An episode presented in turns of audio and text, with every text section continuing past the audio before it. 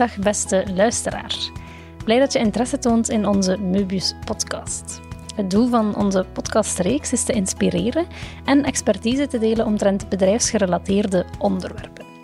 We hopen jullie zo langs deze weg te kunnen helpen bij het realiseren van jullie eigen verbetertrajecten via tips en concrete handvaten die we heel graag aan jullie willen toelichten.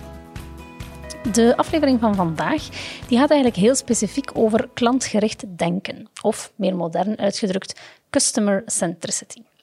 Mijn naam is uh, Sophie de Koning en hier bij mij zitten vandaag Dorothee Leijren, dag Dorothee, en Wendy Verborg, dag Wendy. Zij zijn beide expert in zaken klantenbeleving bij Möbius. Ze hebben beide meer dan tien jaar ervaring. Dorothee richt zich meer op dienstverlenende bedrijven en business to consumer, waar Wendy zich meer richt op de industriële bedrijven en de business to business. Ik ga dus vandaag met hen praten over customer centricity en eigenlijk meer specifiek over hokjes en klanten en wat maakt dat zij een geslaagd of net niet geslaagd huwelijk vormen. Het klinkt waarschijnlijk allemaal een beetje filosofisch, maar ik ben er zeker van dat alles snel duidelijker zal worden. Welkom, dames. Dankjewel. Dag, dag Sophie. Dag Wendy.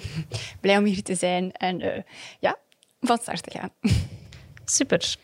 En zoals er reeds meegegeven is het centrale topic vandaag dus customer eh, centricity, dus het ja, goed leveren van een goede klantenervaring. Maar Wendy of Dorothee, een goede klantenervaring, vanaf wanneer is daar eigenlijk bij jullie sprake van? Ja, uh, ik zal uh, deze antwoorden. Ja. Um, een ja, goede klantenervaring, um, die komt eigenlijk tot stand wanneer je als organisatie, als bedrijf erin slaagt om met je geleverd product of dienst te voldoen aan de verwachtingen uh, van je klanten. Um, een quizvraag die we vaak uh, krijgen is, ja, is een klant meer tevreden na een bezoekje aan het Hof van Kleven of naar de McDonald's? Nu, het antwoord ligt niet in de keuze tussen een van beide. Um, een klant kan even tevreden uit beiden uh, terugkomen, uh, maar ja, alles hangt af van je verwachtingen. als klant moet je natuurlijk niet verwachten om bij de McDonald's aan tafel bediend te worden. Um, natuurlijk, ja, voldoen aan de klantenverwachtingen, dan moet je als bedrijf natuurlijk eerst goed kunnen inschatten en weten wat verwachten mijn klanten. En dat is niet eenvoudig, want ja, de klant bestaat niet. Um, die zou anders half man, half vrouw vrouw zijn, zeg ik altijd. Je hebt eh, mannen, vrouwen, jonge mensen, iets oudere mensen, um, verschillende culturen. Maar naast deze sociodemografische verschillen, hè, verschillen verschillen we allemaal van elkaar, ook in functie van onze eigen noden en waarden. En dus dat vertaalt zich in onze attitude en ons gedrag. Dus het is eigenlijk een hele kunst geworden. Het is heel complex voor organisaties op vandaag om eigenlijk um, goed te weten, ja, wie is mijn klantenpopulatie? Hoe ziet die eruit? Uit welke hokjes of segmenten bestaan die? Uh, welke klanten heb ik en hoe kan ik die dan het best gaan beschrijven? Wat zijn hun noden? Um, en bijvoorbeeld een manier, die, een techniek die we gebruiken, is om een segment goed zichtbaar te maken, ook voor de medewerkers intern in de organisatie en dat klantensegment te gaan beschrijven aan de hand van een persona, eigenlijk een klantenprofiel. Ja, bedankt Dorothee. Dat lijkt me inderdaad een hele uitdaging, die klanten in de juiste hokjes gaan onderverdelen. We hadden het over klanten en hokjes. Is dat dan voor jou een geslaagd huwelijk, die twee? Mm, ja, niet noodzakelijk. Um, het is namelijk zo, dus enerzijds moet je rekening houden met alle verschillende type klanten. Hè. Um, maar het is ook zo dat je, dat als klant met een organisatie niet eenmalig in contact brengt, uh, bent. Je gaat eigenlijk als het ware uh, meerdere contactpunten hebben met een bedrijf. Hè. Denk maar uh, bijvoorbeeld, je koopt iets online. Hè. Dus je gaat eigenlijk door een bepaald proces als klant. En we noemen dat proces de klantenreis of in het Engels, de customer journey. Dus er ontstaat ergens een nood van ik heb iets nodig en je gaat eigenlijk een zoektocht uh, ja, gaan aanvatten om jezelf te informeren, te zoeken wat de mogelijkheden zijn. Dan raak je al in contact bijvoorbeeld met een website, met bepaalde marketingprikkels. Um, en dan later in het proces, als je een keuze hebt gemaakt, dan ga je over tot een aankoop. En ja, dan is er een, uh, ja, een levering, een, een, factuur te betalen, misschien achteraf nog vragen. Dus jullie kunnen je allemaal perfect voorstellen. Hè? We, hebben allemaal, dagelijks zijn wij deel van een klantenreis. Hè? Of gaan we een klantenreis ondernemen. Nu, het ding is dat um, als bedrijf hè, heb je al die verschillende contactpunten. En achter die touchpoints of contactpunten zitten telkens andere afdelingen met andere medewerkers, andere mensen die misschien vanuit hun eigen eilandje of hokje denken. En daar zit net de hele grote uitdaging. hoe kunnen we die tevredenheid houden als we met al die hokjes zitten over die ene klantenreis?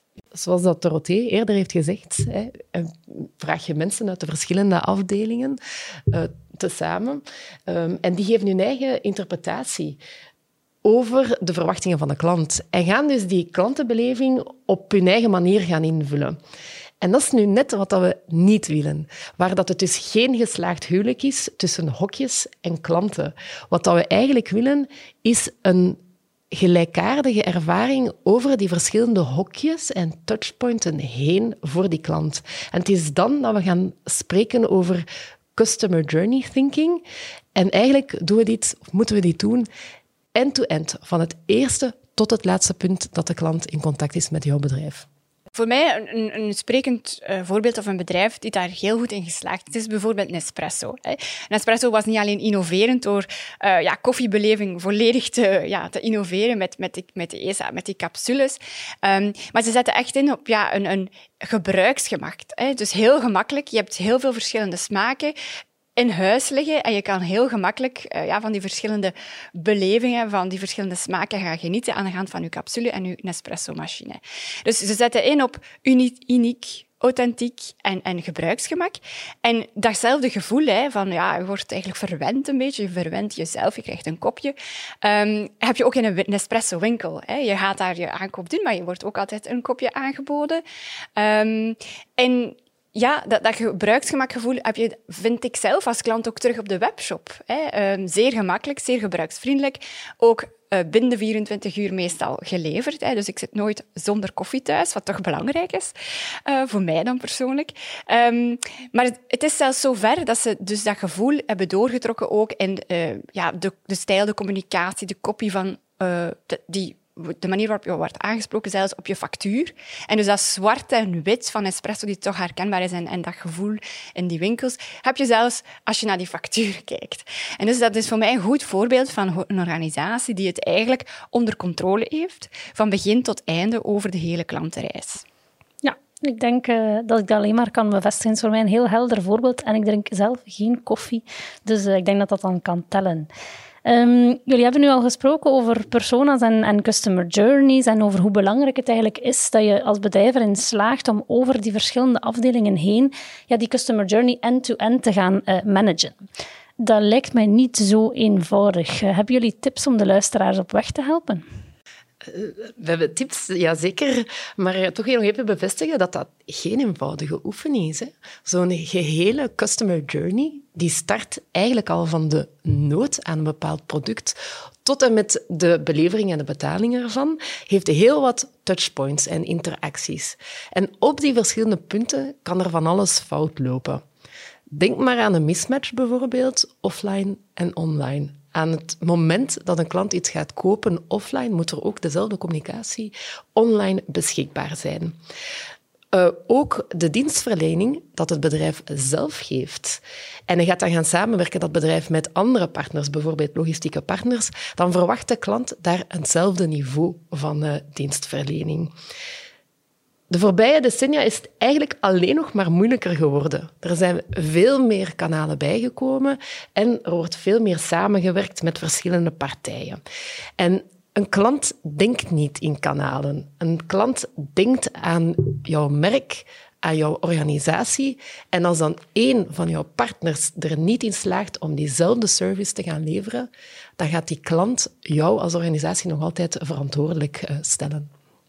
Ja, als het dus fout loopt, bijvoorbeeld bij, bij levering, uh, ja, dan, dan gaat een klant niet gaan denken, oh, dat is nu toch slecht van die, die, leveraar, die leverancier. Hè. Dan, dan, dan is er eigenlijk een, een, een smet op het, op het merk dat je gekocht hebt. Hè. Dus dat is heel belangrijk om, om als organisatie in het achterhoofd te houden, om goede uh, ja, afspraken te hebben. Hè. Uh, we noemen dat dan service level agreements met uw verschillende partners in uh, waar rond je werkt, uh, dus in jouw ecosysteem. En dus dat vergt dus heel wat uh, afstemming, ook alignering, um, een cultuurverandering in de organisatie. Dus het is toch een hele investering. Maar laat mij toch zeggen, um, we zijn er allemaal van overtuigd. Het is ook uit onderzoek gebleken dat organisaties die daarin investeren, die erin slagen om customer journey thinking centraal te gaan zetten, dat dat dan geen windeieren heeft gelegd. Hè. Dus in tegendeel, die gaan duurzamer groeien. hun omzet is standvastiger. Hè want zij hebben een grotere basis aan tevreden klanten. Dus als je erin slaagt om die klantenbeleving consistent te hebben, uh, aankoop na aankoop. En dus ook um, een goede beleving over de hele journey van A tot Z. Uh, dan gaan klanten dat ook ervaren. Hè. Dus, en uh, dan zijn ze tevreden. En er zijn geen verrassingen, hè, want dat is een van de dingen die klanten het meeste haten. Verrassingen. Of niet weten waar ze aan toe zijn. Um, dus ja, weinig frustratie, hogere tevredenheid leidt tot loyale klanten. En loyale klanten natuurlijk, uh, ja, dat is alleen maar goed voor duurzame groei op termijn. Ja, een hogere klantentevredenheid, loyale klanten lijken me allemaal zeer duidelijke uh, voordelen. Ik merkte ook, Dorothee, dat je sprak over een soort um, ja, cultuurverandering. Kan je daar nog uh, iets verder informatie over geven? Ja, uh, voor mij is dat ook een van de belangrijkste voordelen van zo'n uh, ja, customer journey project of traject, is dat je eigenlijk ook um, medewerkers heel duidelijk betrekt en, en ook uh, ja, ze ze zullen bijvoorbeeld aanwezig zijn in zo'n Customer Journey Workshop, waar we mensen uit de verschillende hokjes dan, afdelingen, hè, zowel logistiek, verkoop, marketing, uh, aftersales, samenbrengt om te gaan nadenken, oké, wat is nu de reis van de klant? Um, en hoe ga ik met mijn job, mijn functie, waarde creëren voor die klant? Want we zien eigenlijk dat vandaag um, heel, zeker grote organisaties, de ja, medewerkers vaak, dat er een ik noem dat, uh, er is no proximity. En dus er, is een afstand tussen de klant en zichzelf. En ze redeneren dus eigenlijk in dossiers. Uh, in aantal telefoons per dag, uh, in orders, maar niet in die klant. Dus er is geen empathie, er is geen emotie, er is weinig. En dat is niet ja, dat is niet fijn, maar dat is ook voor hen misschien minder motiverend. Als je weet, ik heb vandaag x aantal klanten geholpen. Of ik heb eens de telefoon opgenomen in plaats van vijf mailtjes met heel veel moeilijke administratief jargon. Um, ja, dus die cultuur daarin krijgen, uh, dat is een heel groot voordeel. En dat is uiteindelijk wat dat nodig zal zijn om echt customer-centric te worden.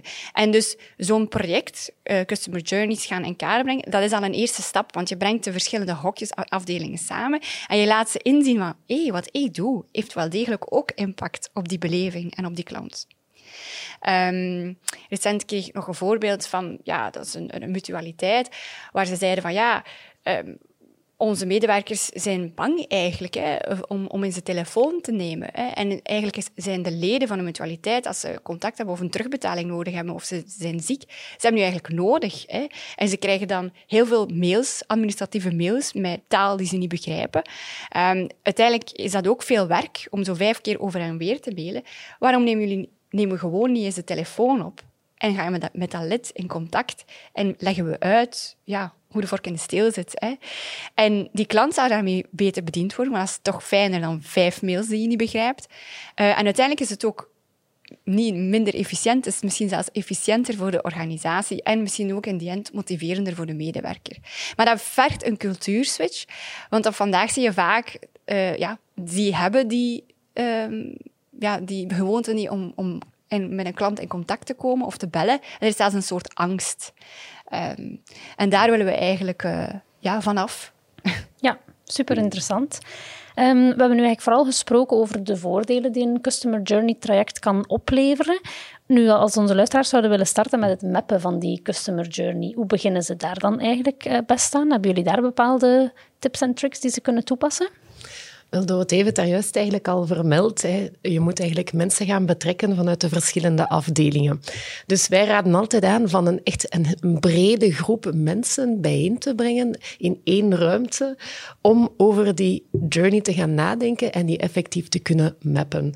Dat is heeft twee voordelen. Je kan die journey dan vanuit verschillende perspectieven mappen. Maar anderzijds beginnen die mensen ook het standpunt van hun collega's uit de andere departementen te begrijpen. En je krijgt ze echt mee. Dat je begint eigenlijk al te werken aan je buy-in. Nu, vaak krijgen wij van onze klanten de vraag, waar moeten we beginnen? Met welke customer journey is de, de beste om aan te pakken?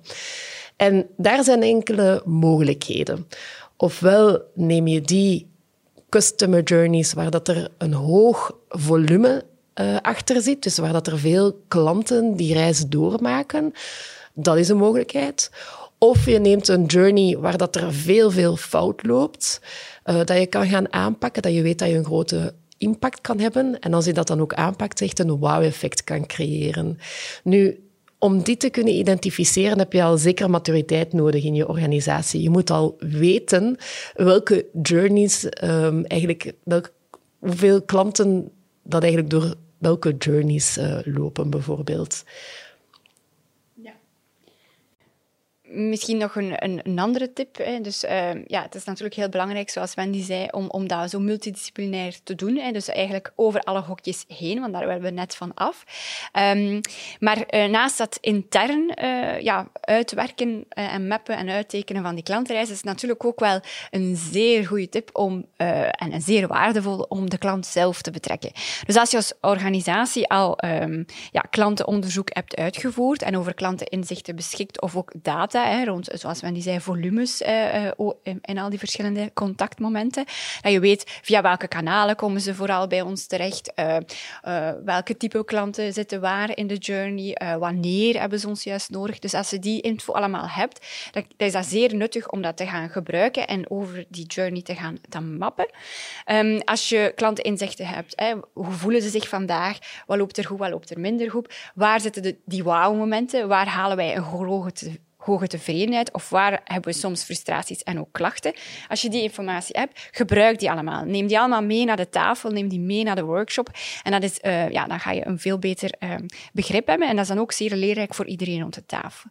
Maar daarnaast natuurlijk, als je geen data hebt, en raden we het de sterkste aan, en dat, gaan wij dus ook in onze projecten telkens gaan doen, om effectief klantenonderzoek uit te voeren. En in een B2B-omgeving is dat dan meestal diepte-interviews dat we doen. Um, in een B2C-omgeving omgeving kan je nog kiezen. Hè. Kan je bijvoorbeeld uh, ook zeer leuke focusgroepen gaan opzetten met een gelijkaardige groep van klanten. Um, en ja, dan gaan we eigenlijk samen met hen eens door die klantenreis. En dan gaan we ook gaan aftoetsen. Zijn dat de juiste stappen die jullie doormaken? Uh, zijn dat de gevoelens die jullie hebben? De verwachtingen die jullie op in elke stap hebben? Uh, dus dan kan je echt gaan valideren wat je eerst intern hebt voorbereid met de, met de mensen, de medewerkers, dus met het bedrijf. Uh, en je kan eigenlijk ook uh, heel heel rechtstreeks met die klanten gaan zoeken naar wat zijn mogelijke verbeteringen, wat zijn misschien zaken uh, die, waar het bedrijf nog niet aan voldoen, maar waar jullie toch mee zitten. Hè. Dus mogelijke innovatieve ideeën komen daar dan ook uit. En dat is altijd heel fijn om te doen, heel leuk. En ik, ik ik vind het ook altijd fijn om te zien, hè, want wat we dan meestal doen, is ook onze klant, hè, dus het bedrijf die net aan die journeys wil werken, daar ook ergens uh, ja, laten meeluisteren of, of aanwezig zijn, hè, dus zonder dat hun klanten het dan zien. En zij steken daar altijd wel uh, nuttige inzichten uh, van op. Ja. Ja, super interessant. Ik voel het al uh, kriebelen om brownpapers en post-its boven te halen en te beginnen mappen. Um, als jullie nu tot slot als afronding van deze podcast nog één tip uh, zouden willen meegeven aan de luisteraars, wat zou die gouden tip dan zijn? Goh, heel belangrijk is om te denken aan het allereerste contactpunt van een potentiële klant of een huidige klant.